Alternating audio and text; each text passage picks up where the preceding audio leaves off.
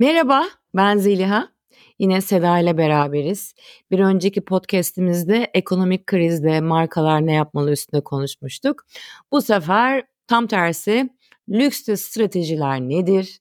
Yeni dönemde nasıl değişimler yaşadı lüks dünyası? Lüks marka konumlandırması yapmak istiyorsanız nelere dikkat etmelisiniz? Teknoloji ve lüksün arasındaki ilişki nedir? Kültür, topluluk ve piramidin en tepesindeki hedef kitle olarak baktığımızda neler yapılmalı üstüne konuşacağız.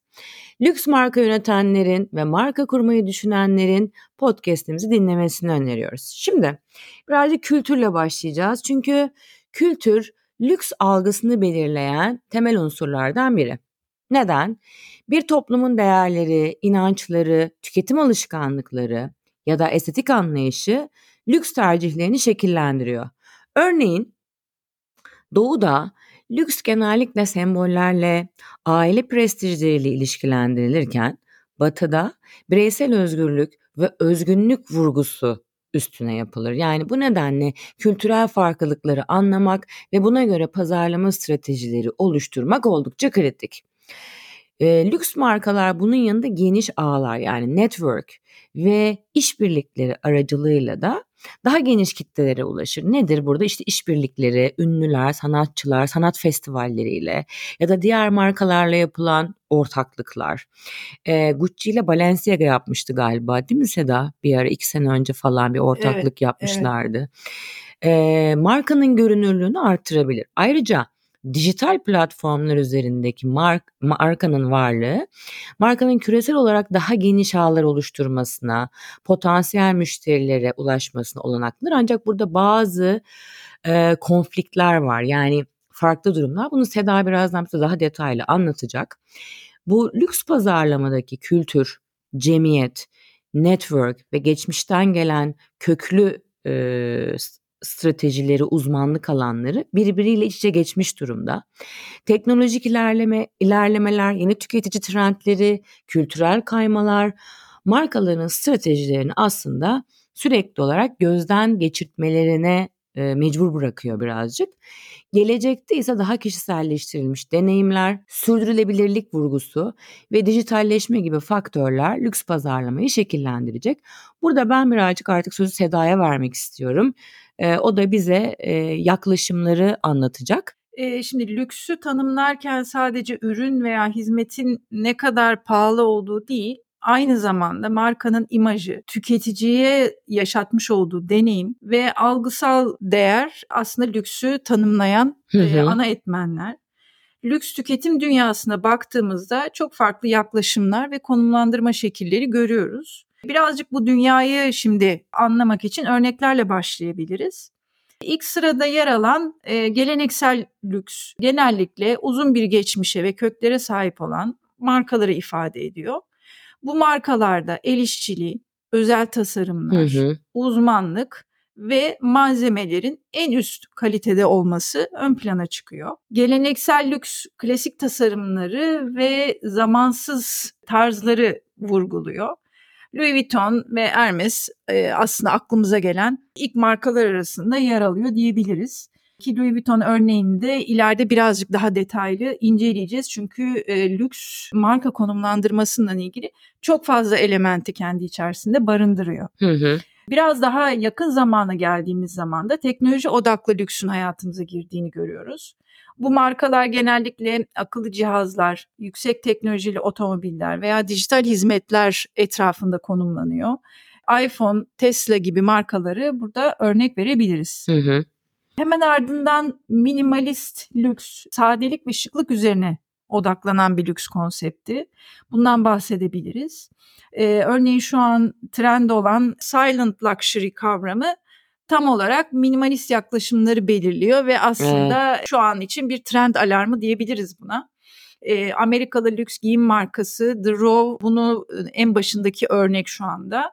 E, minimalist tasarımları, kaliteli malzemeleri ve çok dikkatlice işlenmiş detaylarıyla zaten ön plana çıkıyor. Burada Amerikalı bir sanatçı e, Goop'un yaratıcısı da e, markanın opinion lideri olmuştu değil mi? Gwyneth Paltrow'la bir işbirliğinden sonra aslında e, oldukça popüler hale geldi ve e, şu anda da bu silent e, luxury akımının öncü markası hı hı. konumunda. Bunun tam zıttı da gayet kuvvetli olarak aslında dünyada devam ediyor. Bu da maksimalist lüks, hı hı. E, aşırılık ve gösteriş üzerine odaklanıyor. Renkli, desenli ve çok daha gösterişli tasarımlar burada ön planda oluyor. İşte Dolce Gabbana, Versace hı hı. veya e, işte Lamborghini gibi markaları aslında düşünebiliriz. Bur burada araya girip bir şey ekleyeceğim. Ben en başta e, söylemiştim ya kültürel farklılıklar aslında lüksün tanımını ülkelerde değiştirebiliyor gibi. Aynen Seda'nın söylediği gibi mesela uzak doğu ve orta doğu tüketicileri daha böyle markanın çok önde olduğu sembollü renkli şeyleri severken batıda daha bireysel ve daha minimalist lükse ya da geleneksel lüksün o bizim şu an old rich dediğimiz trendleri daha yaygın gibi. Tekrar sözü Seda'ya bırakıyorum şimdi erişilebilir lükste aslında e, yine birazcık daha Avrupa e, temelli olarak da görüyoruz buradaki hı hı. markaları e, ama ekonomik krizin tüm dünyada da e, yaygın olduğu dönemde çok fazla önümüze çıkmaya başladı. Burada da daha yüksek fiyatlı lüks markaların deneyimini geniş bir müşteri kitlesinle buluşturan markalar aslında erişilebilir lüks hı hı. olarak konumlanan markalar. Farklı bir örnek düşünmek istersek mesela Airbnb 5 yıldızlı bir otel deneyimi yaşamak istiyorsunuz ve bunu da yine bu otellerin sahip olacağı lokasyonda yaşamak istediğiniz zaman Airbnb size burada çok farklı alternatifler sunabiliyor. Veya e, moda tarafında baktığımız zaman COS yine bu minimalist marka tasarımlarını yüksek kalitedeki ürün ve işçiliği size daha ulaşılabilir fiyata sunuyor. Bir diğer e, ön plana çıkan akım da sürdürülebilir lüks. Hı hı. Marka çeşitliliğinin çok olduğu dünyada şu anda hem çok yük, e, yükselişte ve farklılaşmak adına da büyük önem taşıyor. Bu kavram doğa ve çevre dostu e, sosyal sorumluluk projelerine odaklanan lüks markaları ifade ediyor ve bu artık tüm lüks markalardan da beklenen bir duruş. Hı hı. Bu aslında konumlandırmadan daha ziyade markanın taşıması gereken önemli bir değer olarak öne çıkıyor. Burada da e, güzel bir örnek Stella McCartney. E, Stella McCartney ürünlerinde işte gerçek deri, gerçek kürk kullanmıyor. Hı hı. E, ancak üretim süreçlerinde ve malzeme seçimlerindeki dikkatini aynı şekilde tasarım ve ürün kalitesine yansıtabildiği için e, gerçek deri veya gerçek kürk kullanan lüks markalarla hem e, marka konumlaması hem de fiyat olarak hı hı. aynı aralıkta kendine yer bulabildiğini görüyoruz. Dolayısıyla sürdürülebilir e, yöntemler seçilerek de lüks bir marka olunabileceğini çok güzel bir örneği Stella McCartney. Evet yani e, ben bilmiyordum bu Stella McCartney örneğini mesela Seda çok güzel bir e, örnek verdi bize. Hemen buradan sözü devralıyorum. Lüks kavramları markaların kendilerini farklılaştırma, tüketici zihninde belirli bir konumlandırmaya sahip olma çabalarını yansıtan aslında çeşitli stratejiler.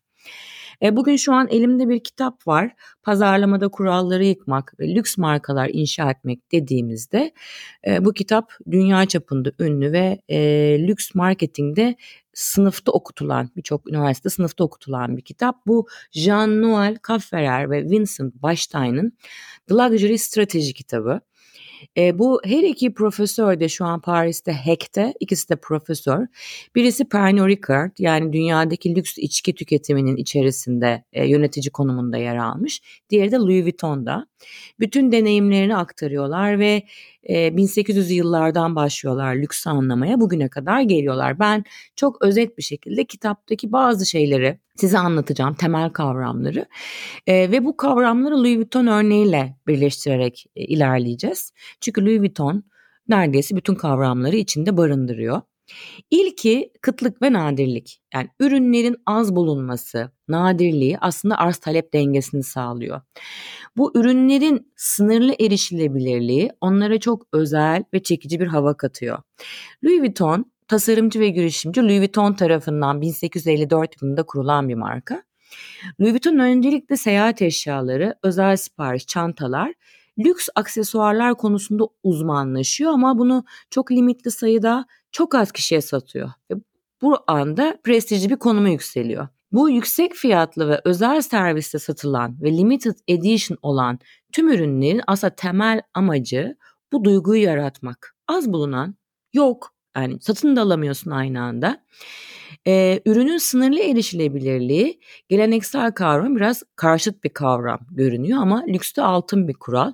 Zaten lüks pazarlama geleneksel pazarlama konusunda ciddi bir ayrım var kendi içlerinde. Buna ara ara değineceğim.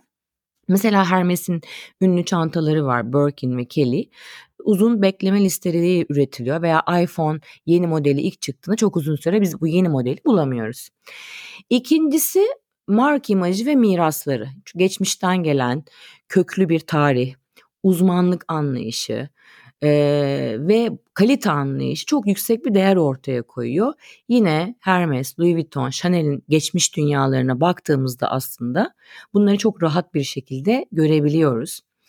E, üçüncü sırada kalite ve el işçiliği yer alıyor. Lüks markalar için üst düzey kalite ve el işçiliği vazgeçilmez. E, bu detaylara gösterilen özen, yüksek kaliteli malzemeler, uzmanlıkları olmazsa olmaz. Ve tabii ki burada özgün ve inovatif tasarım anlayışları da var. Mesela Louis Vuitton LV monogramını ve o damier deseni gibi ya- yarattığı e, tasarımı markasını benzersiz kılan bir özellik haline getiriyor. Bugün biz bu monogramı nerede görürsek görelim onun Louis Vuitton olduğunu anlıyoruz. Bu yine markayı benzersiz kılıyor ve bunu ilk yapan da Louis Vuitton tarihte. E, fiyatın kaliteli ilişkilendirilmesi var. Yani istek arttıkça e, fiyat da artıyor. Yani mesela bu geleneksel pazarlamada aslında istek arttıkça fiyat düşer. Lükste tam tersi. Lüks belirliyor fiyatı. Fiyat lüksün tanımını yapmıyor. Şimdi burada birazcık dağıtım kanalı ve özel ilişkiler de var.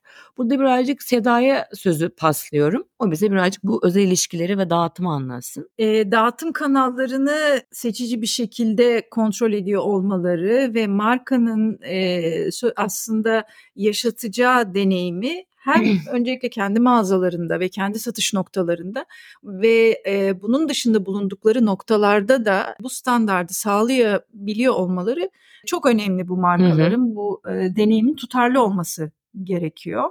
E, yine işte Louis Vuitton'da gördüğümüz gibi müşteri ilişkileri ve kişiselleştirilme, kişiselleştirilmiş hizmetler, yüksek düzeyde e, e, müşteri memnuniyeti, marka ile müşteri arasında özel bir bağ oluşturuyor. Hı hı. Lüks ürünler sıkça sadece işlevsel değil, e, sembolik değerlerde taşıyorlar. Bundan dolayı tüketiciler markayı belirli bir yaşam tarzı, statü veya kimlikle ilişkilendiriyor. Hı hı. E, bu ben zenginim de demek olabilir. Benim rafine edilmiş zevklerim var demek de olabilir. Ben farklıyım demek de olabilir. Bu noktada e, dağıtım ve fiyatı kontrol etmek çok hassas bir konu. Hı hı. Fiyatın konumlandırma ile paralel olması şart. E, az bulunacak bir ürüne ve kendi segmentine uygun bir standartta oluşturulması gerekiyor ve dağıtımı da buna uygun olarak yapıyor olması gerekiyor. Ee, yavaş yavaş genişleyen evet. bir yapıda. Burada mesela araya gireceğim. Burada esasında bu department store'lar, yani lüks department store'lara girmek hani Beyman, Harrods,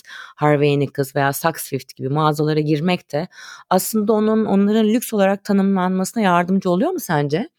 Tabii ki yani bir marka kendini lüks olarak konumlamak istiyorsa bu satış noktalarında yer alıyor olması otomatikman e, öncelikle bu amaçla oraya gelen tüketiciyle buluşmasını sağlıyor. Sonrasında da kendini e, çok uzun zamandır lüks olarak konumlandırmış diğer markalarla yan yana durmasını sağladığı için tüketicisin tüketici nezdindeki algısını da otomatik olarak yükseltiyor. Hı hı. İnovasyon ve yaratıcılık da önemli bir konu.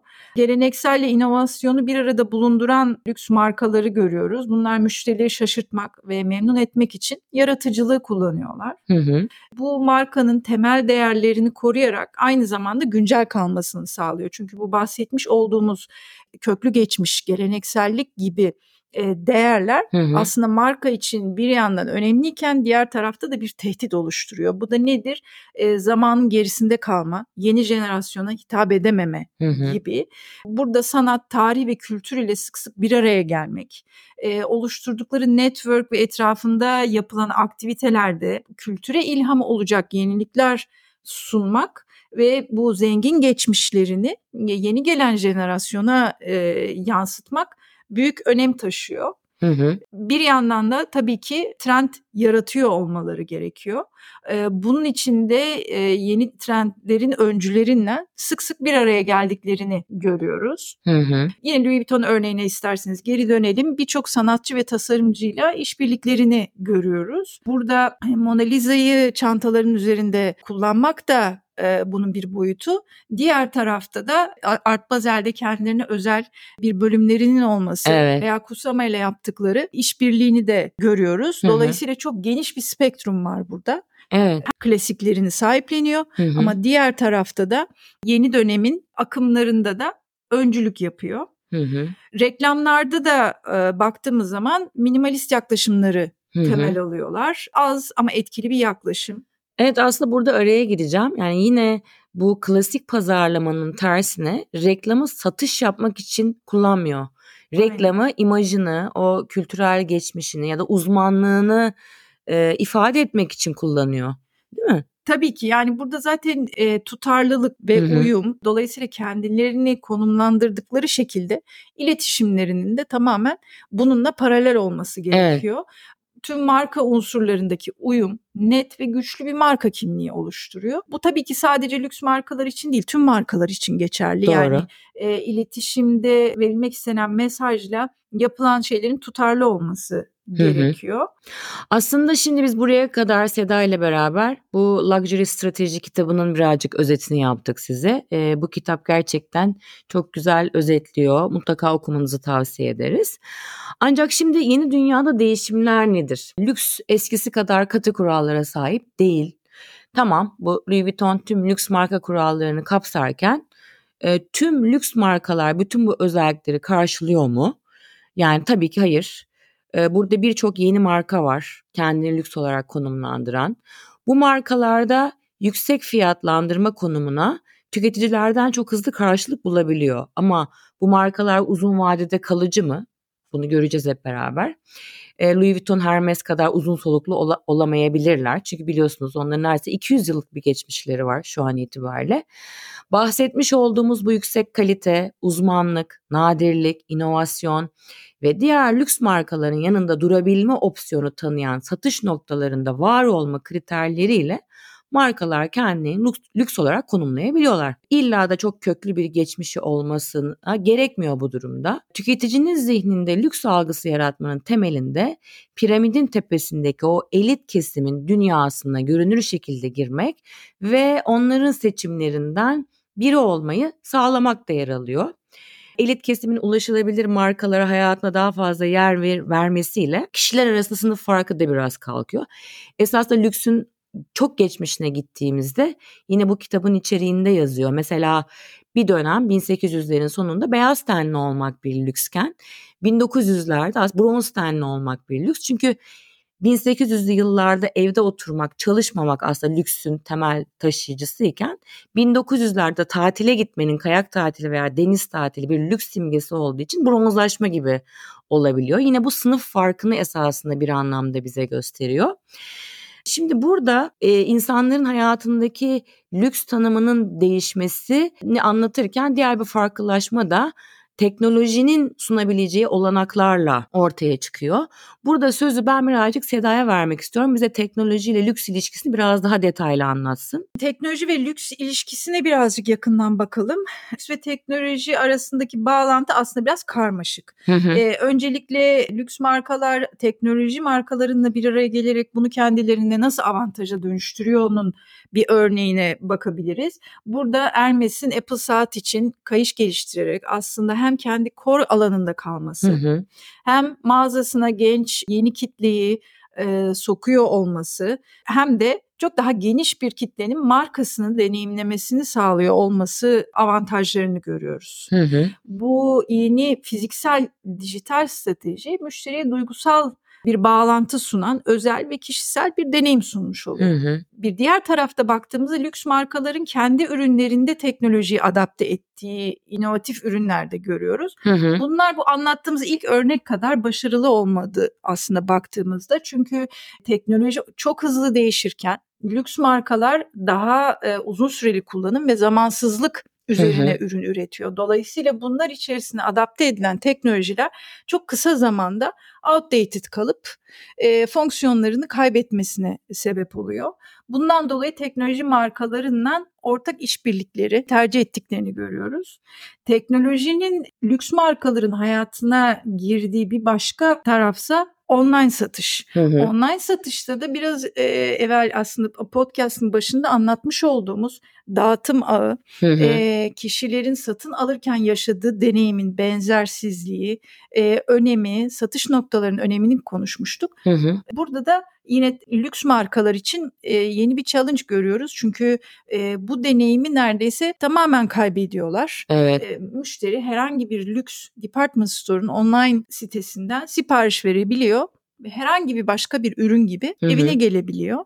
Burada birçok markanın online'da satışa kapalı olmayı tercih ettiğini görebiliyoruz. Hı hı. Veya sadece belli ülkelerde e, açık kalıyorlar. Ya da bazen de belli ürünlerle her ürününü vermiyor. Her ürününü vermiyor. Evet. Evet.